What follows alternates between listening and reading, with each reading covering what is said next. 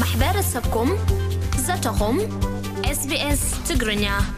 ሰላም ዝኸበርኩም ሰማዕትና ሰማዕቲ ሬድዮ ስፔስ ሎሚ ዕዱማት ኣለውኒ ኣኽሊሉ ገብረ እግዚኣብሄር ካብዚ ካብ መልበን ሃቱ ገብረ መድህን ካብ ሲድኒ ከምኡኡን ኣቶ መዝሙር ሰለሙን ካብ ፐርዝ እዮም። ሎሚ ንዘራረበሉ ዛዕባ ብዛዕባ ፌስቲቫልን ምስ ዝተተሓሓዘ ጉዳያትን ፌስቲቫል ናይ ኤርትራ ማለት እዩ ኣብዚ ኣብ መልበርን ናይ 223 ንክግበር ኣብ ምቅርራብ እዩ ዘሎ ብካልእ ወገን ድማ ንዑኡ ዝቃወሙ እውን ኣለው ስለዚ ካብ ክልቲኡ ወገን ኢና ከነዘራርብ ፈቲና ማለት እዩ ኣክሊሉ ካብቲ ኣብ ፌስቲቫል ንጡፍ ተሳታፋይን ካብቶም ኣተሓባበርቲ ክኸውን ይኽእል እዩ ብዛዕባ እቲ ፌስቲቫል ከብለና እዩ እቶም ካልኦት ድማ ንዑኡ ዝቃወምሉ ምክንያታት እንተልዎም ከዓ ክዛረቡ እዮም ስለዚ በዚ መንፈስ ኢና ክንጅምር ስለዚ ኣክሊሉ ብኣኻ ክጅምር ከመይ እቲ ፌስቲቫል ምድላዋት ዝግበር መዓስ እዩ ክግበር ብዛዕባ እዚ ዘለካ ሓፈሻዊ ዕላም እውን ሕፅር ኣቢልካ ተገሊፅካለይ ናብቲ ካልእ ክንከይድ ኢና መርሓባ በየነ ንዝሃብካኒ ዕድል እንዳመስገንኩ መጀመርያ ርሑስ ሓድሽ ዓመት ቅንያት ሓድሽ ዓመት ማለት እዩ ከምኡ እውን ልደት ንኹላትና ነዞም ኣጋይሽ ንዓኻ ንምሉእ ህዝቢ ኤርትራ ኣብ ውሽጥን ኣብ ደገን ዘሎ ብምቕጻል ብዛዕባ ፌስቲቫል ክዛረብ እንተ ደኣ ኮይነ፣ ፌስቲቫል ሎሚ ኣነ ክገልጾ ኢለ ዝመጻኹዎ ኣይኮነን። ካብ ነዊሕ ናይ ዕስራን ሰለስተን ዓመት ግዜ ዘለዎ እዩ ማለት እዩ። እዚ ከኣ ብሰነድ መንግስቲ ኣውስትራልያ ጥራይ ዝፈቕደሉ ጥራይ ዘይኮነ እውን ካብ ቅድም ኣትሒዙ ዝፈልጦ ብጽቡቕ ታሪኽ ዝፍለጥ ኣብ ሙሉእ ዓለም ዝፍለጥ ኣብ ኣውስትራልያ ጥራይ ዘይኮነ ኣብ ኒውዚላንድን ኣውስትራልያን ጥራይ ዘይኮነ ዳርጋ ኣብ ሙሉእ ዓለም ዝፍለጥ እዩ ስለዚ ከምዚ ይመስል ናይ ግዜን ናይ ቦታን ንዝብል ሕቶ እዚ ንግዜ ተገዲፉ ንኩሉ ሰብ ብሓባር ዝሕበር ነገር እዩ ማለት እዩ ስለዚ ፍሉጥ እዩ ሓድሽ ነገር የብሉን ንልዕሊ ዕስራ ዓመታት ዝኸደ እዩ መንግስትን ኩሉን ዝፈልጦ እዩ ይብል ኣሎ በቲ ሓደ ወገን ድማ እስኪ ሃቱ ምናልባት ነዚ ምላሽ ክትበሉ እንተደሊካ ማለት ንምቅዋም ገለ ምድላዋት ትገብሩ ከም ዘለኹም ሰሚዐ እሞ ምዝ ትብሎ ዘሎ እንታይ ተቃውሞ እዩ ዘለካ ወይ እንታይ ዕላማ ሒዝኩም ኢኹም ትቃወሙ ዘለኹም ነቲ ፌስቲቫል መርሓባ በየነ ዝሃብካኒ ዕድል ኣዝየ ዘመስግን ብመጀመርታ ከምዚ ሓውና ክኢሉ ክብሎ ዝጸንሐ ንኩሉ ሰብ ርሑስ ኣውደኣመት ርሑስ ሓድሽ ዓመት እናተመነኹ እንታይ እየ ክብል ደልየ ብፍላይ ካብ ኩሉ ግዜ ክትዛረብ ከለካ ካብ ንስኻ እንዳ ክትጅምር ዘለካ ንሕና ብፍላይ እቶም ሓደሽቲ ወለዶሲ ከም ታሪኽ ናይ ኣቦሓጎታትና ፕሮ ዲሞክራሲ ወይ ድማ እቲ ውልቃዊ ናጽነት ዝበሃል መሰልና ክንሓትት ኢልና ኢና ንብገስ። ብመሰረቱ ከኣ ምስቲ መሬትካ፣ ምስቲ ኣከባቢኻ፣ ምስቲ ባህልኻ ዘለካ ምትእስሳር እዩ ዝያዳ ከዛርበካ ዝኽእል። ሕጂ ፈስቲቫል ከምዚ ክብሎ ዝጸንሐ ካብ ታሪኽ ተመርኲስካ ክትርእዮ እንተ ጀሚርካ ካብ ዓሰርተ ትሽዓተ ሰብዓን ኣርባዕተን ኣከባቢ ናይ ቦሎኛ እዩ ዝጅምር። እዚ ኩሉ ኣብቲ ጽላል ናይ ሰውራ ስለ ዝጀመረ ፈስቲቫል ነቲ ሰውራ ዝነበረ ነቲ ኣብ ኤርትራ ዝካየድ ዝነበረ ቃልሲ ንምትብባዕ ዝበለ እዩ መጺኡ። ብኣንጻር ናይዚ ግን ኣብ ኤርትራ እቲ ዝነበረ ፍልስፍና ስነ ሓሳብ ተሪኢኻዮ ሓሳባት ዘይጻወር ኣዝዩ ናብ መላኺ ዝኾነ ስርዓት ኣብ ዓድና ምስ መጸ ንኹሉ እዩ ተቋጻጺርዎ ሕጂ እቲ ፈስቲቫል ባህላዊ ካብቲ ባህላዊ ስነ ምግበራዊ ወጽዩ ናብ ሓደ ፖለቲካዊ መሳርሒ እዩ ተቐይሩ ሕጂ ኣነን ኣኽሊሉን ኣብዚ እንታይ ንኸውን ኣለና ንወጽዓ ዝድግፍን ኣንጻር ወጽዓ ዝቃለስን ኮይንና ክንማጎት ወይ ኢህን ምሂን ክንበሃል ዕድል ዝፈጠርካልና ውን ኣዝየ እየ ዘመስግነካ። ሕጂ ናበይ እየ ክምለስ ዝደልየ እቲ ኣማጻጽኣ ናይቲ ፈስቲቫል እንተድኣ ርኢኻዮ እቲ ሕጂ ዘንጸባርቆ ነጸብራቅ ውን ናቱ ናይቲ ዝነወሐ ታሪኽ ዝተኣሳሰረ እዩ። ሕጂ ዋላ ኣብዘን ካብ ክልተ ሽሕን ዕስራን ሓደን ካብ ክልተ ሽሕን ዕስራን ንድሓር ክሳብ ሕጂ ዘሎ ኣብ ኣውስትራልያ ዝካየድ ዘሎ ፈስቲቫላት እንተርኢኻዮ ነብሲ ወከፍ ኣብ ነብሲ ወከፍ ፈስቲቫል ዝመጽእ ተወካሊ ካብ ኤርትራ ኣሎ። እቲ ፖለቲካሊ ካልቸራሊ ከም ዘይምዃኑ ንምንጋር እየ ዝዛረብ ዘለኹ። ሕጂ ንኣብነት እንተ ርኢኻዮ ዓሚ ዮሱፍ የስቅ መጺኡ ነይሩ። እዚ ከኣ እዚ ሄድ ኦፍ ኦርጋናይዜሽን ኣፌር ናይ CFDJ እዩ። ናይ ፖለቲካል CFDJ ኣብ ኤርትራ ዘላ ሓንቲ ፓርቲ ዘላትና ኣብ ኤርትራ እያ። ቅድሚኡ እውን ያሲን ዑስማን መጺኡ ነይሩ። ብድቂድሚኡ እውን ዑስማን ሳልሕ መጺኡ ነይሩ። ሚኒስተር ኦፍ ፎሬን ኣፌር ናይ ኤርትራ ማለት እዩ። ሕጂ እዚ ብስም ካልቸራል ፈስቲቫል ዝካየድ ኣብ ሜርቦን ዝካየድ ዘሎ ዓመት ዓመት ካብ ክልተ ሽሕን ዕስራን ሓደን ብመልክዕ እንተሪኢኻዮ ኣምባሳደራት ጀሚርካ ብምሉኦም ካብ ዋላ ንኣብነት ኣብ መበል ዓሰርተ ሰለስተ ዘምህረት ዮውሃንስ መጺኡ ነይሩ እሱ ኸኣ እቲ ሄድ ኦፍ ሪሰርች ኤንድ ዲኮመንተሽን ናይ ሲኤፍዲጀይ ማለት እዩ ሕጂ ካብዚ እንታይ ክትመሃር ትኽእል እዚ ፈስቲቫል እዚ ብመሰረቱ ናይ ፕሮፖጋንዳ ናይ ፖለቲካዊ መሳርሒ ናይቲ ኣብ ዓድና ካብ ዓድና ሰጒጉ ኣደዳ ስደትን መከራን ጌሩልና ዘሎ ስርዓት ምዃኑ ብመርትዖ ተረድኦ ማለት እዩ። እዚ እዩ ሕጂ ንሕና ከኣ ዘቃውመና ዘሎ ወይ ድማ ዋላ ምስ መንግስቲ ኣውስትራልያ እውን ሕቶ ነቕርብ ዘለና ብዛዕባ ሕቶ መሰልና ንሓትት ዘለና እዚ ፌስቲቫል እዚ ኢንክሉሲቭነስ የብሉን መሳርሒ ናይቲ ኣብ ዓድና ዘሎ መላኺ ስርዓት እዩ። ኢና ንብዘ ቅድሚ ናብ መዝሙር ምኻደይ ምናልባት ኣክሊሉ እዚ መሳርሒ ናይ መንግስቲ እምበር ነፃ ዝኾነ ፌስቲቫል ኣይኮነን ማለት ንኩሉ ዘካተተ ወይ ኢንክሉሲቭ ኣይኮነን ዝብላ ቃላት ደጋጊሙ ዝተዛረበን እየን ምናልባት ኣብዚ ሓፂር ምላሽ እንድሕሪብካዮ ፅቡቅ ድሕሪ ናብ ማለት ከምዚ ንዓኻ ክትሓታቲ ንቶም ካልኦት ሓተቲ ከይከውን ግን እስኻ ግን ብስፍሕ ዝበለ ክትገልፆ ተኽእል ኢካ ምድላይካ እወ እዚ ፌስቲቫል እዚ ሲ ፌስቲቫል ህዝባዊ ፌስቲቫል እዩ ኣብ ኣውስትራልያ እዩ ከኣ ዝካየድ ዘሎ ኣብ ፌስቲቫል ከኣ ዝኾነ ሰብ እዩ ክመጽእ ዝኽእል ምክንያቱ እንታይ እዩ እዚ ፌስቲቫል እዚ ህዝባዊ ፌስቲቫል ኮይኑ ንመንእሰያት ንህፃውንቲ ንኩሉ ዘሳተፈ ኮይኑ እቲ ከምዚ መፂኦም ከምዚ መፂኦም ከምዚ መፂኦም ዝብሎ ዘሎ መሰል እዩ መሰል እዩ ህልው ኩነታት ናይ ሃገርካ ክትፈልጥ ስኒ መሰልካ እዩ እዚኦም ሰባት እዚኦም ከኣኒ ዋላ እንተመጹ ሲ ብምንታይ እዮም ዝመጹ ብነፋሪት ይመጹ ብሕጋዊ ነገር ይመጹ ብኩሉ ነገር ይመጹ ኣብ ህዝባዊ ፌስቲቫል መጺኻ ምቅዋም ሲ እንታይ እዩሞቲ ከምጽእ ዝኽእል ስለዚ ብሕጋዊ ዝመጽእ ኣካል ከምዚ ገይሮም ከምዚ ገይሮም ክበሃለሉ ዝከኣል ምኽንያት ዋላ ሓንቲ የለን እየ ዝብል ኣነ። መዝሙር ማለት ብፍላይ ኣብዚ እዋን እዚ መንእሰያት እዮም ብብዝሒ ኣብ ምቅዋም ዘለዉ ኣብ ኣውሮጳ ኣብ ገለ ከም ዝረኣናዮ ማለት እዩ ኣብዚ እውን ከምኡ ዓይነታት መደብ ኣሎ እሞ ነዚ ብኸመይ ኢካ ትሪኦ ንስኻ ከም ኤርትራዊ ምናልባት ኣብቲ ተቃውሞ ስለ ዘለካ ናትካ ርእይቶ ክህልወካ ክእል እዩ ነዚ ፌስቲቫላት ዝካየድ ኣብ ኣውስትራልያ ዓመት ዓመት ብከመይ ኢካ ትሪኦ? የቐንየለይ ሬድዮ SBS ቅድሚ ብኸመይ ይርእዮ ምባለይ ሲ ንሕና ሕጂ ክንዘራረበሉ ዘለና እቲ ፋስቲቫል ቁኑዕዩ ኣይቁኑዕን ቅድሚ ምባልና ንሕና ነናህና ሓሳብ ከነቐምጥ እንኮለና መን ኢና ንሕና ኢና ከነቐምጥ ዘለና ኣነ ኣባል ደምበ ተቓውሞ ደላይ ፍትሒ፣ እቲ ኣብ ህዝቢ ኤርትራ ዝወርድ ዘሎ ሓሳረ መከራ ኣንገፍጊፍኒ ዝቃለስ ዘለኹ ሰብ'የ። ንከማይ ዝኣመሰሉ ተቓለስቲ ኣብዚ ሰዓት'ዚ ድማ ብደረጃ ኣውስትራልያ ንደለይቲ ፍትሒ ብርጌድ ንሓመዱ ወኪለ'የ ኣብዚ መጺኸ ዘለኹ። ሕጂ ዓንተወይ ውን ሓቲትካ ኔርካ እንታይ እዩ ውክልናኻ ኢልካዮ ኔርካ ንጋሻና እሱ ግን ተሳታፊ እየ ኢሉ ሕጂ ንሕና ምስ ተሳተፍቲ ጽልኢ የብልናን ስርዓት እዩ ጽልእና ነቲ ስርዓት ኢና ነተኩር ስለዚ ተሳታፋይ እየ ጥራሕ እንተኾይና እታ መልሱ ንሕና ኣይትሳተፍ ኣይንብሎን ተሳተፍ ኣይንብሎን መሰሉ እዩ ንሱ ብትኽክል ነቲ ነቲ ፋስቲቫል ዝገብር ዘሎ ሸነኽ ወኪለ ቀሪበ እንተይልና ብዛዕባ እቲ ፋስቲቫልን ኣካያይድኡን ዕላማታቱን ብዛዕብኡ ክንዛረብ ላእ ተሳታፊ እየ እንተይልና ግን ብዛዕባ ምስታፉ እኮ ንሕና ተቓውሞ የብልናን። እወ ግን ከም ተሳታፋይ ግን ሪኢትኡ ክህብ ይኽእል እዩ ማለተይ ማለት ደጊፍዎ ኣሎ ማለት እንድዩ እስኻ ከኣ ብወገንካ ከኣ ተቓዊምካዮ ኣለኻ ማለት እዩ። ስለዚስ ዋላ ተሳታፋ ይኹን እምበር ከም ደጋፊ ናይቲ ፌስቲቫል ኮይኑ እውን እዩ ዝቐርብ ዘሎ መስለኒ ስለዚ ወካሊ ናይቲ ዝግበር ዘሎ ሰላ ፋስቲቫል ኣይኮነን ንሕና ግን ወከልቲ ናይቲ ክግበር ዝድለ ዘሎ ሰላማዊ ሰልፊ ኢና ስለዚ ብንጹር ንሱ ነቲ ነቲ ፋስቲቫል ብሰላም ንግበሮ ሓቢርና ንግበሮ ምክንያቱ ኣብታ ዘረብኡ ሕጂ ንኩሉ ዘሳትፍ እዩ ክብል ጸኒሑ ንኩሉ ከም ዘየሳትፍ ኩልና ንፈልጥ ኢና ኣባል ኢህግደፍ ዘይኮነ ኣባል ናይቲ ስርዓት ዘይኮነ ኣብታ ፋስቲቫሎም ክሳተፍ ፍቃደኛታት ኣይኮኑን ላእ ክፉት ኢዩ ዝብለና እንተኾይኑ ሓቢርና ከነብዕሎ ንሕና በበራእያና ንሶም በራእዮም ኣብ ሓደ መድረኽ ንራኸብ። ሕራይ ኣኽሊሉ ማለሲ ኣሳታፊ እዩ ንኩሉ ዘሳትፍ እዩ ኣብ እንኳይ ኣብዚ ካብ ኣስመራውን ካብ ኤርትራውን ይመፁ ኣለዉ ዝብል ዘረባ ዘተዛሪብካ እሞ ከምዚ ዝብሎ ዘሎ መዝሙር ከምዚ ዓይነት ኣረኣያ ዘለዎም ኣንጻር እቲ ኣብ ኤርትራ ዘሎ መንግስቲ ዝቃወሙ ሰባት ክሳተፉ ኣብቲ ፌስቲቫል እንታይ ርእይቶ እዩ ዘሎ ብዚ? እቲ ፌስቲቫል እኮ ብፖስተር እዩ ዝጥቃዕ መስለኒ። ን። እንድሕር ንኹሉ ኤርትራዊ ደየሳትፍ ኮይኑ ኣብ ሰላም ድኣምን ኣብ ምክብባር ድኣምን ብምሉኡ ኤርትራዊ ድሕር ደየሳተፍ ኮይኑ እኮ ብፖስተር ደረጃ እዩ ዝጥቃዕ እምበረይኒ ብዕድመ ኣይኮነን ንሰባት ኣብ ኣኢዶም ዝወሃቦም ስለዚ እዚ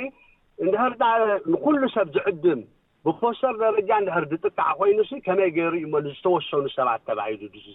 ዝዝረበሉ? ሓደ። ካልኣይ ነገር ተሳታፋይ እዩ፣ ንሕና ምስ ተሳታፋይ ኣይኮነን ዘረባና ክብል ጸኒሑ። ተቓውምኦም ምስ ተሳታፋይ ዘይኮነን። እንድሕር ኣብ ፌስቲቫል መጺኻ ትቃወም ኣለኻ፣ ኣብ ፌስቲቫል መጺኻ እንድሕር ሓደጋ ተውርድ ኣለኻ ከምቲ ዝረኣናዮ ንህዝቢ ደይኮንካን ኢኻ ሓደጋ ተውርድ ዘለኻ ንተሳታፋይ ደይኮነን ኢዩ ስለዚሲ ኣብቲ ፌስቲቫል መጺኻ ምቅዋም ፌስቲቫል እኮ ብፌስቲቫል ኢኻ ትቃወሞ ፌስቲቫል እዚ ጥዑይ ፌስቲቫል ኣይኮነን ተልካ ንዓኻ ጥዑይ ዝመሰለካ ፌስቲቫል ኢኻ ትገብር እንድሕር ኣብ ፌስቲቫል መጺኻ ትቃወም ኣለኻ ወይ ድማ ኣብ ፌስቲቫል መጺኻ ጎነጽ ዘለዎ ተቓውሞ ትገብር ኣለኻ ኣብ ልዕሊ እቶም ተሳተፍቲ ኢኻ ጎነጽ ትገብር ዘለኻ ስለዚ ተሳታፋይ ብምሉእ እዩ ንዓኻ ክቃወመካ ዝኽእል ስለዚ እዘን ክልተ ሕቶታት ብኸምዚኣ ክምልሰን እየ ኣቱ እንታይ ማለት ነቲ ተሳታፋይ እዩ እቲ ነቲ መንግስቲ ዘይኮነስ ነቲ ተሳታፋይ እዩ ዝብል ርእይቶ እሱ እውን ከም ተሳታፊ ከም ንጡፍ ተሳታፊ ወይ ኣብኡ እውን ተራ ክልዎ ክእል ነቲ ተሳታፊ ኢኹም ትቃወሞ ዘለኹም እዩ ዝብል ዘሎ ሞ መልሲ ኣለካ ድዩ ንመን ኢኹም ትቃወሞ እወ ከነፅሮ እየ ዝደሊ ነገር ኣሎ ሕጂ እንታይ ኢልና ከዓ ክንብል ዘለና እቲ ስእሊ ናይቲ ፌስቲቫል ባዕዲ ፍሬም ክርኒኦ ኣለና ብዓብይ መቓን እንተ ሪኢካዮ ኣብ ፈስቲቫል ዝሳተፉ ሰባት መነ መን እዮም እንታይ ይመስሉ ክትብል ክትክእል ኣለካ ማለት እዩ ግን ኦፐን እዩ እዚ ብፖስተር ደረጃ ጠቂዕና ሲ ንኩሉ ሰብ ኢና ንዕድሞ እዩ ሕጂ እቲ ፌስቲቫል በቲ ኩሉ ግዜ ዋላ ሕጂ ንኣክሊሉ እንተነሓቶ እቲ መን ኣካይዶ እንተዝብሎ ነረ ሲ ዝምልከቶ ኣካል ንበለኒ ምክንያቱ ዝምልከቶ ኣካል ኣብ ኤርትራ ዘሎ ሰንትራላይዝ ዝኾነ ኣካይዳ ስለ ዝካየድ እቲ ፌስቲቫል ብዙሕ ዘካትዕ ኣይኮነን ግን ኣነ እንታይ ክዝር ዝደለይ ዘለኹ እቶም ኣብቲ ፈስቲቫል ዝሳተፉ ዓይነት ሰባት እንታይ ይመስሉ እየ ክዝርዝር ደልየ ዘለኹ። ሕጂ ኣኽሊሉ ከኣ ምስቶም ኢኖሰንት ግሩብ ኮይኑ ክመጽእ ስለዚ ዝፍትን ዘሎ እየ ከነጽር ደልየ። ሕጂ ኣብ እቶም ኣብ ፈስቲቫል ዝሳተፉ ከም ሓሙሽተ ግሩብ ጌርና ከነቕምጦም ንኽእል ኢና። እቶም ቀዳሞት እቶም ኢኖሰንት ግሩብ ንብሎም ኣብቲ ፈስቲቫል ብስም ናይ ኤርትራዊ ፌስቲቫል ስለ ዝኾነ ክሳተፉ ክሕጎሱ ክመጹ ኢሎም ዝደልዩ ሰባት ኣለዉ። ምስ ፖለቲካል ኣይዶሎጂ ውን ምትእስሳር ዘየለዎም ውሑዳት ሰባት ከም ዘለዉ ይርድኣኒ ሕጂ ንሳቶም እዮም ከኣ ግዳይ ክኾኑ ዘይንደልዮም። ካልኣይ እቶም ሃርድ ኮር ግሩፕ ዝበሃሉ ኣለዉ እዚኣቶም በቲ ናይ ኢምባሲ ኣካላት ናይቲ ኢምባሲ ዝኾኑ ኣካላት ስታፍ ዝኾኑ ካብ ጋቨርመንት ዝመጹ ኦፊሻልስ ካብ ኣስመራ ዝመጹ ኣብዚ ኮይኖም ስለያዊ ስራሕ ዘካይዱ ብውልቀ ሰባት ተቓለስቲ ኢና ዝብሉ ብዙሓት ከባቢ ዕስራን ሓሙሽተን ሚእታዊት ዝኸውን ናይቲ ፈስቲቫል ተሳተፍቲ ኣለው። እዚኣቶም እቶም ሃርድ ኮርስ ዝበሃሉ ነቲ ፈስቲቫል ዝቆጻጸርዎ፣ ፕላን ዝገብርዎ፣ ኩሉ ነገር ዘካይዱን ማለት እዩ። ሳል እቶም ሳልሳይ ካብቶም ሳልሳይ እንተኸድና እዞም ሓደጋ ዝገብሩ ዘለው ከኣ እዞም ዮዝ ግሩብ ዝበሃሉ ኣለው። እዞም ዮዝ ግሩብ ንብሎም ዘለና ከኣ ምስዚ ነቲ በርጌድ ንሓመዱ ብፍላይ ምስዚ ሕጂ ዝመጽእ መንእሰይ ናይ ምግርጫው ተኽእሎታት ዘለዎም ነቲ ኣብ ኣውስትራልያ ዘሎ ኮሚኒቲ እውን ሓደጋ ክፈጥሩ ዝኽእሉ ሓደገኛታት ብኣይዶሎጂ፣ ብሲስተሚክ ኣይዶሎጂ ዝተሓጸቡ መንእሰያት ኣለዉ። እዚኣቶም ኣስማቶም ክዝርዝረልካ እኽእል እየ። ኤሪ ብላድ ክትብሎም ትኽእል ኢኻ፣ መንቀነ ከኣ ገለ ትብል ሽም ኣውጺኦም ኣለዉ። መዓት ኣስማት ዘለዎም በቢ ኤሪ መቐተ፣ ኤሪ መኸተ፣ መንደላይ ገለ ገለ ዝብሉ፣ ኤሪ ሓደ ልቢ ገለ ዝብሉ ጉሩባት ኣለዉ። እዚኦም ኣይዶሎጂካሊ ማይንድሴት ናቶም ዝተሓጸቡ መንእሰያት እዮም። ሕጂ ካልእ ክቕጽለልካ ዝደሊ ናገር እንታይ ኣሎ እቶም ኣፖርቲኒስቲክ ዝብሉ ኣለዉ ዝረሳዕክዎም እዞም ኣፖርቲኒስቲክ ዝበሃሉ ከኣ ኣብ ኤርትራ ገንዘብ ወፍሪ ዝገበሩ ንኤርትራ ክመላለሱ ዝደልዩ ኣድኦም ዝናፍቑ እሞ ክመላለሱ ዝደልዩ ኢንተረስት ዘለዎም ነቲ ፖለቲካ ናይቲ ዝካየድ ኣብቲ ፈስቲቫል ዘይድግፉ ግን ክሳተፉ ዝግደዱ ሰባት ከኣ ኣለዉ ሕጂ እቲ ናትና ኢንተረስት ንሕና ንቃወሞ ዘለና ኣብ ሕብረተሰብና ብፍላይ ኣብ መንእሰያትና ሓደጋ ክመጽኡ ንብሎም ዘለና ግን ኣብዞም ዮዝ ጉሩብን ካብኦም ውርድ ኢልካ ትሕቲ ዕድመ እዞም ኣዶልሰንት ንብሎም ዘለና ንኣሽቱ መንእሰያት ናይ እሙሮ ምሕጻብ ይካየደሎም ኣሎ። እቲ ፈስቲቫል ካብ ታሪኹ እንዳራኣኻዮ ክትመጽእ ከለኻ እናጸበበ እናጸበበ ሕጂ ኣብ ናይ ጽልኢ ፕሮፓጋንዳ ኣብ ናይ ዲስክሪሚነሽን ኣብ ናይ ራዲካላዘሽን እዩ ወሪዱ ዘሎ እቲ ፈስቲቫል ሕጂ እንዳደቐቐ እንዳደቐቐ ኣብ ናይ መወዳእታ ናይ ዕርበቱ ፈስቲቫል በጺሑ ስለ ዘሎ ነቶም መንእሰያት ከዓ ይሓርቀልና ሓደጋ ይገብረልና ስለ ዘሎ ንዑ ኢና ዝያዳ ንቃራይ ከይትነውሓና እሞ ኣክሊሉ መን እዩ ዝውድቦ ነዚ ፌስቲቫል ምናልባት ከምዚ ዝብሎ ዘሎ ብዙሓት ግሩፕ ኣለው ይብል ኣሎ ገሊኦም ሰለይቲ ክኾኑ ክእሉ ገሊኦም ወደብቲ ክኾኑ ክእሉ ገሊኦም ካልእ ዕላማ ዘለዎም ገለ ድማ ብንፁህ ሕልና መፂኦም ከም ኤርትራውያን ዝሳተፉ ኣለው ዝብል ኣሎሞ ነዞም ጉጅለ እዚኣቶም ኣፍልጦ ትህበሎም ዲኻ መን ኢኸ ዝውድቦ ነቲ ፌስቲቫል እንታይ መስለካ እዚ ሕጂ ዝበሃል ዘሎ እቲ ንርእስኻ ክጥዕመካ ኢልካ ትውሰድ ዘሎ ቋንቋን ቁንቁኛን እንዲ ንምንታይ ኣይ ከምኡ ድብል ዘለኹ ሓደ ንሕና መፂእና ኣይንፈልጥን ኢና ነዚ ፌስቲቫል እዚ ርኢናዮ ኣይንፈልጥን ኢና ኣይንፈልጦን ኢና ነዚ ፌስቲቫል እዚ ኣብ ውሽጢ እውን ኣቲና ኣይንፈልጥን ኢና ትብል ዘለኻ ስኒ ንሕጂ ከምዚ እዩ ከምዚ እዩ ከምዚ እዩ ክበሃል ኣይከኣልን እዩ። እዚ ፌስቲቫል እዚ ብኮሚኒቲ እዩ ዝካየድ። ኮሚኒቲ ነዚ ፌስቲቫል እዚ ብምሉኡ ካብ መጀመርያ ኣትሒዙ ስጋዕ መወዳእታ ኮሚኒቲ እዩ ዘካይዶ። ስለዚ እቲ ካሊእ ዝበሃል ዘሎ ቋንቋታት ጥራይ እዩ። ማለት ንዓኻ ክጥዕመካ ዝኽእል እንታይ ክትብል ኣለካ። እንድሕር ዘይትፈልጦ ኮይንካ መጺኻዮ ዘይትፈልጥ ፌስቲቫል ስኒ ከመይ ጌርካ ኢኻ እሞ ከምዚ እዩ ከምዚ እዩ ከምዚ እዩ ከምዚ እዩ እዚ ፌስቲቫል እዚ ዕስራን ሰለስተን ዓመት ኣለዎ ንብል ኣለና ዕስራን ሰለስተን ዓመት ዘለዎ ኮኒ ብሰነድ እዩ ፌስቲቫል እዩ ስለዚ እዚ ፌስቲቫል እዚ ናይ ህዝቢ ፌስቲቫል ህዝባዊ ፌስቲቫል ብኮሚኒቲ ተዳልዩ ብኮሚኒቲ ዝውዳእ ፌስቲቫል እዩ ሕራይ መዝሙር ሒዝናካ ኣለና መስለኒ ሕፅር ኣቢልካ ንስኻ እውን ማለሰይ ኣብኡ ሲ እንታይ ኢኻ ትርኢ ከምዚ ዝበሎ ምናልባት ኣይትሳተፍን ትኾን ግን ብማዕዶ ክትሪኦ ከለኻ ወይ ክትሰምዖ ከለኻ ናይ ባሓቂ ናይ ፌስቲቫል ናይ ኮሚኒቲ ከምዚ ዝብሎ ዘሎ ብኮሚኒቲ ተወዲቡ ኣብዚ ብዘለዉ ማለት እዩ ኣብ ኣውስትራልያ ብዘለዉ ድዩ ወይስ ካልእ ንጥፈታት እውን ትርኢ ኢኻ ነየናይ ንጥፈታት ናይቲ ፌስቲቫል ኢኻ ግቡእ ዘይኮነ ወይ ድማ ማለስ ተቃውሞ ክስዑ ክግበረሉ ዝግብኦ እዩ ኢልካ ትሓስቦ? ሕራይ ኣብታ ቀዳመይቲ ንተሳተፍቲ እንዲኹም ትወቕዑ፣ ተሳታፋይ ክሳተፍ ኣነ ጸገም የብለይን ኢለ ነይረ፣ ከም ተሳታፋይ እንድሕር ኮይኑ። ግን እሱ እንታይ ኢሉ፣ ንተሳተፍቲ እንዲኹም ትወቕዑ፣ ከምዚ ንርእዮ ዘለናዮ ኢሉና። ተሳተፍቲ እንታይ ምስ ገበሩ እሞ ናብ ምውቃዕ ተባጺሑ? መዋእልና እኳ ኣብ ደንበ ተቓውሞ ነይርና። ዳውን ዳውን እናበልናኩም ንኸይድ ነይርና። ዳውን ዳውን ስለ ዘየዕግበትኩም መጺእኩም ኣብቲ እስኹም ፋስቲቫላት እትገብሩሉ ዳውን ዳውን ክብለኩም ከሎና ገሌኹም ማእከል ኢድኩም ተውጽኡ ገሌኹም ትጻረፉ ገሌኹም ዓጋመ ትብሉ ሎሚ ግን ዕድመ ንብርጌድ ንሓመዱ እንሆ ኣሎኳ ኣሕዋትና እንድዮም ኣሕዋት ኢና ሃዲእና ክንዘራረብ ጽቡቕ ነገር እዩ ኣብ ምባል በቒዕኩም ንሕና ብመሰረቱ ንቃለስ ንፍትሒ ንሰላምን ዲሞክራስን ኢና ኣሕዋትና ኣይኮንኩምን ኢልናኩም ኣይንፈልጥን ኣብ ታሪኽና። ኣሕዋትና ኣይኮኑን ዝብል መርገጽ ፈጺምና ሒዝና ኣይንፈልጥን። ኩሎም ደገፍቲ ናይቲ ስርዓት፣ ተሳተፍቲ ናይ ዝኾነ ይኹን ፋስቲቫላት፣ ብዘይካ ወያነ፣ ዓጋመ፣ ኣሜሪካ ዝለኣኸቶም ካልእ መልሓስ ኣይነበረቶምን። ሎሚ ግን እዛ መልሓስ እዚኣ ቀይራስ ኣሕዋት እንዲና ትብል መልሲ እውን ሰሚዕና። ዕድመ ንብርጌድ ንሓመዱ። ካልእ እንታይ ክብል ዝደሊ፣ ንሕና ብፖስተራትና ንሰርሕ፣ ዝኽልከል የለን፣ ናብ ኢዱ ዝኸዶ መልእኽቲ ከኣ የለን። ኣብ ዝተፈላለዩ ፋስቲቫላት ክንኣቱ ካብ ኣፍ ደገ ኣባል ኣይኮንካን ተባሂልና ተኸልኪልና ኢና ኣነ ኣብ ስዑዲ ነብር ነይረ ኣብ ስዑዲ ዋላ ሓንቲ መዓልቲ ቀጽሪ ናይታ ሰላማ ናይታ ኮሚኒቲ ክረግጽ ኣይፈቕዱለይን ነይሮም ብፖሊስ ገይሮም ኣውጽኡኒ ነይሮም ትብዓት ኣለኒ ኣብ ትሕቲ ማንም ዋላ ኣሽሓት እናሃለዉ መጽኤ ሕቶይ ከቕርብ ዝመስለኒ ርእይቶታት ኣቕሪበ ቻላንጅ ክገብሮ ነቲ መድረኽ ዝመርሕ ዘሎ እሶም ግን ነዚ ኣይፈቕዱን እዮም ሕጂ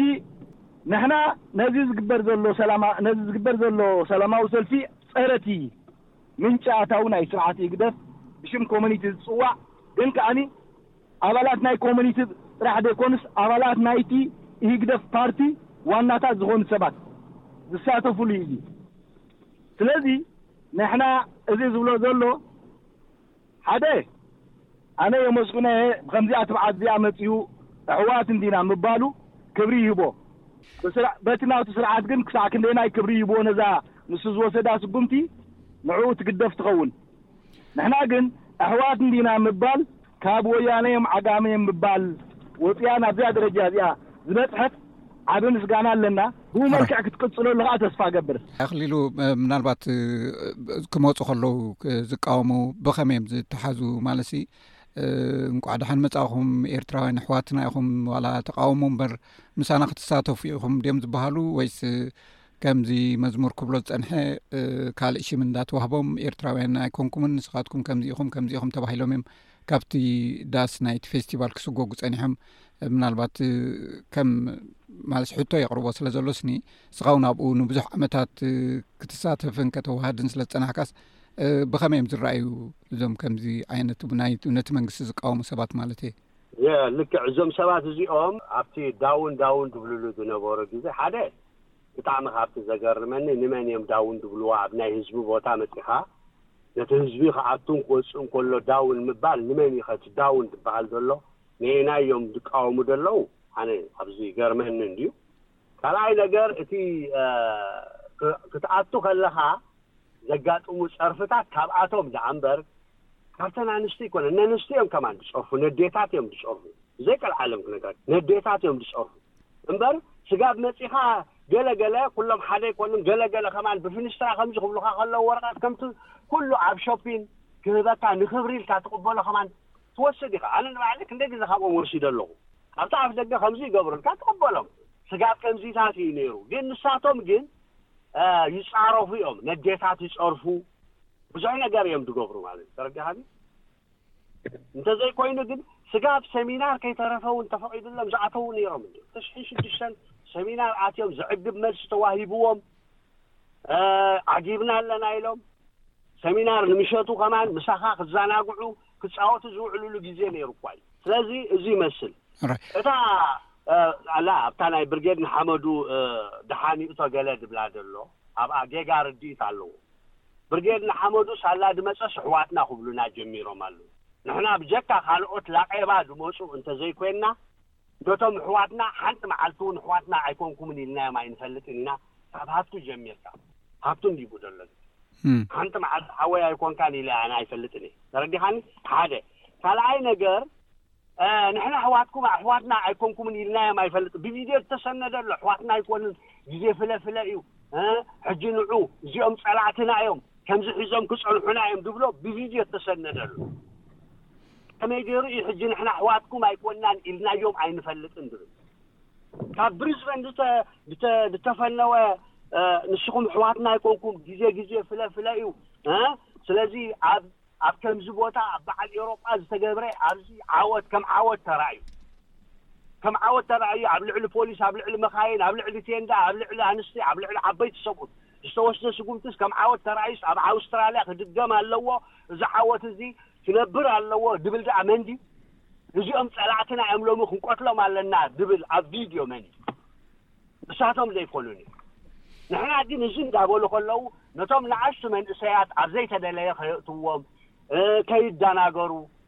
ዘይኮነ ነገር ምስ ኣሕዋቶም ከይጋጨዉ ኣብዚ ኮ ብሓንሳእ ድመሃሩ ብሓንሳእ ድበልዑ ብሓንሳእ ድሰትዩ ነዚኦም ንምግጫው ድስራሕ ዘሎ ስራሓት እዚ ደይኮነን ጽልኢ ጎስጓስ ናይ ጽልኢ እዚ ደይኮነን ንሕና ግን ምስዚ ኩሉ እዚ ዋላ ነቶም መንእሰያት ናቶም ንሳቶም ከምኡ ዝገብርዎም ደለዉ ንሶም እውን መንእሰያትናን ደቅናን ስለ ዝኾኑ ንዕኦም ንምድሓን ከይተረፈ ንሕና ንሰርሕ ራክሊር ሃቱ ምናልባት እዚ ማለት እዚ ተቃውሞ ሕጂ ናብ ዝለዓለ ደረጃ ዝረኣናዩ ማለት እዩ ኣብ በዓል ኣውሮጳ ገለገለ ናብ ምትርራም ኣብ ካልእ እንተበፂሑ ኣሎ ስለዚ ብርጌድ ንሓመዱ ናይ ባሓቂ እዚ ዝገብሮ ዘሎ ከመይ ትሪዮ ማለት እ ከምዚ ዝብሎ ዘሎ ተኮይኑ ኣክሊሉ እቲ ፀርፊ እቲ ብድዐ እቲ ካልእ ነገርሲ ካብኣቶም እዩ ዝመፅእ እምበር ካብቲ ተሳታፍ ፌስቲቫል ኣይኮነን ስለዚ ኣብ ከምኡ ዝኮነሉ ንድሕር ከምኡ ኮይኑ ማለት እዩ ብናትካ ግምገማን ካልእን ማለት እዩ ሕጂ ግን ካብኡ ሓሊፉ እውን ናብ ካልእ ደረጃ ስለዚ ብርጌድ ንሓመዱ ኣብ ኣውስትራልያ ዘለኹም እንታይ ውጥን ጌርኩም ኢኹም ትንቀሳቀሱ ብፍላይ ከምዚ ዓይነት ፌስቲቫል ክዳሉ ከሉ እንታይ ዓይነት ተቃውሞ ኢኹም ከተርእዩ ኣብ መን ዝዓለመ እዩ ከትተቃውሞ የቐኔለይ በየነ እንታይ እዮ ቀዲመ ናብቲ እንታይ እዮ ክትርኢ ዘለካ ጥልፍ ኣቢልካ ኣብ ሓንቲ ዘረባ ጌርካ ጥራይ ዝምለስ ነገር ኣይኮነን መሰረቱ እዚ ምልዕዓል ናይ በርገድ ንሓመዱ ካበይ ዝጅምር ኢልካ ክትስእል ኣለካ ምልዕዓል ብመሰረቱ ኣብዚ ቀረባ ክልተ ዓመት እዩ እቲ መንእሰይ ተላዒሉ ስምዒቱ ተቆጻጺሩስ ናብ ሕጋዊ መድረኽ ሓደ ደረጃ መድረኽ እውን ደሪብና ንሪኦ ኣለና መሰረቱ እቲ ዘለዓዓሎ ኣንተበይ ክገልጾ ፈቲነ ዝነበርኩ እቲ ፈስቲቫል ካብቲ ናይ ባህሊን ናይ ስነ ጥበብን ናይ ካልእን ኣንፈታቱ ወጺኡ ኣብ ፖለቲካዊ ዑቕባ እሞ ዑቕባ ንዑቕቡ ከኣ ኣብ ሰብ ሃገርና ዘሎ ስርዓት ስለ ዝተዓቖበ ኣብ ፈስቲቫል ኣብ ስዊዝን ከም ዝረኣናዮ ነቲ ባህልናን ክብርታትናን ዝኾነ ቅናት ናይ ኣባይ ናይ ዓባያታትና ብምግባር ነቲ መንእሰይ ኣለዓዒልዎ። ብፍላይ ኣወልቲ ዒድ መጽዩ ናይ ትምክሕትን ናይ ጸርፍን ናይ ትዕቢትን መን ኢኹም ዝብል ኣብ ስዊዝን ዘበገሶ እዩ። ናይ ስዊድን ምብግጋስ እዩ ነቲ መንእሰይ ኣለዓዒልዎ። ንሱ ዘምጽኦ ምልዕዓል ድማ ሕጂ ኣብዚ ደረጃ በጺሕና ኣለና። መቐጸልታ ናቱ ድማ ኣብ ኣውስትራልያ ግድን ንዕኡ ነጸብራቕ ናቱ እዩ። ኩሉ ግዜ እቲ ዝገብር ዘሎ ኣካል እቲ ኣብ ሃገርና። ሃብትና ዓድና ኩለንትናና ወሪሱ ራስኪ ኣብ ስደት ደርቢዩና ዘሎ ስርዓት መሓውሩ ሰዲዱ ኣብዚ ዘካይዶ ዘሎ ከኣ ንሕና ናቱ ነንጸብራቕ ኢና እምበር ንሕና ኣይኮናን ነቲ ነማእዝኖ ማለት እዩ እዚ እቲ ናህና መልሲ እንታይ እዩ ግብረ መልሲ እዩ ናህና ዝኸውን ማዕረ ነጸብራቕ ናይቲ ንስኹም ተንጸባርቑልና ኣላ ክንገብር እምበር ካልእ ፍልይ ዝበለ ነገር ክህሉ ኢለ ኣይጽበይን እየ ሓንቲ ነገር ክርትዓ ዘይደሊ ግን ኩሉ ግዜ ኣንተበይ እንታይ ክብል ሰሚዐ ነይረ ኣኽሊሉ እዚሲ በዚ ናይ መንግስታዊ ትካል ኣብዚ ኢና ንገብሮ ብኮሚኒቲ እዩ ዝካየድ ዝብል ነይሩ መሰረታዊ ክንፈልጦ ዘለና እዚኦም ከም ኤርትራ ኣብ ኤርትራ ሃገርና ዘሎ ኣውቶሪታርያን ዝኾኑ መንግስቲ ናይ ሜትድ ኦፍ ኮንትሮል ዝገብርሉ ኣለዉ እሱ ከዓ እቲ ንዓና ኣሸጊርና ዘለውን ከም ከም ኣሕዋት ኣብዚ ዓዲ ይህን ምሂን ተባሃሂልና ብዛዕባ ደቅና ዝዓብሉ ኣብ ክንዲ ከላሽን ሒዞም ተዋስኦ ዝገብሩ ኣብ ክንዲ ወተሃደራዊ ክዳን ጌሮም ንደቅና ናይ ስነ ኣእምሮ ሕማቕ ተጽዕኖ ንገድፈሎም። ጸገም መጺኡ ዘሎ ነተን ዘለዋና ውሑዳት ትካላት ነተን ኣሶሴሽን ከም The Eritrean Community ገለ ዝበሃላ ንቤተክርስትያንና ነዚ ተቋጻጺሩ ሒዝዎ ኣሎ እቲ ስርዓት ሕጂ እሳቶም እዮም ዘንጸባርቑ ዘለዉ ብኦኦም ጌሩ ይገብሮ ስለ ዘሎ ኢና ንሕና ከኣ ንቃወም ዘለና። ካልእ እቲ ናይ ኢንተሊጀንስ ጋዘሪንግ ነይሩ ንዓና ኣብ ነብሲ ወከፍ ምንቅስቓስና ኣብ ነብሲ ወከፍ ንገብሮ ዘለና ዘሸግረና ዘሎ ሽግራት እዩ ዘለዓዕለልና ዘሎ። ሳልሳይ ዝዓበየ ከኣ ብኣና እቲ ፋይናንሻል ኮለክሽን ንሕና ኣብ ኩናት ዝኣተወ ሓወይ ኢዱ ዝቖረየ ንዕኡ ገንዘብ ሰደሉ ኣደይ ዘኽታማት ቆልዑ ትዕቢ ዘላ ገንዘብ ሰደላ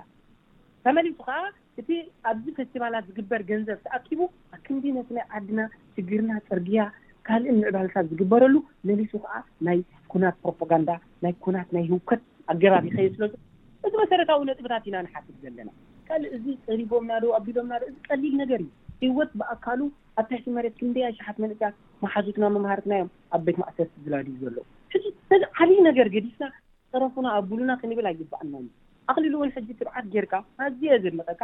ንዓና ነቲ ናትና ስሚዒት እቲ ንሕና ንሓቶ ዘለና ሕቶ ዋላ ደፊርካ ወኪል ናይቲ መንግስቲ እየ ወኪል እየ ኣይትበል ነብስካ ወኪልካ መጺካ ክትሰምዕ ምፍታንካ ኣዝየ ዘመስግነካ ማዕረ ክንደይ ትብዓት ከም ዘድልየካ ውን ይርደኣኒ እዩ እቲ ቀንዲ ከመስግኖ ዝደሊ ውን ናብዚ ዓይነት ዲስካሽን ዘብጽሓና ደረጃ ውን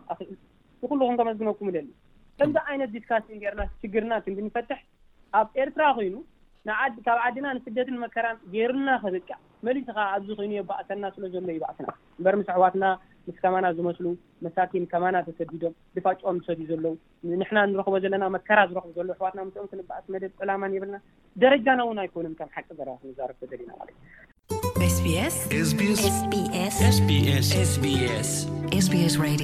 ሰማዕትና ሰማዕቲ ረድዮ ስቤስ እዚ ክትከታተልዎ ዝፀናሕኩም ብዛዕባ ተወጢኑ ዘሎ ፌስቲቫል ኤርትራ ኣብ ኣውስትራልያ ዝምልከት ኮይኑ ነቲ ፌስቲቫል ዝድግፉን ዝቃወሙን ቀዳማይ ክፋል ዘተ ምስ ኣቶ መዝሙር ሰለሙን ኣክሊሉ ገብሪ እግዚኣብሄርን ሃቱ ገብረ መድህንን እዩ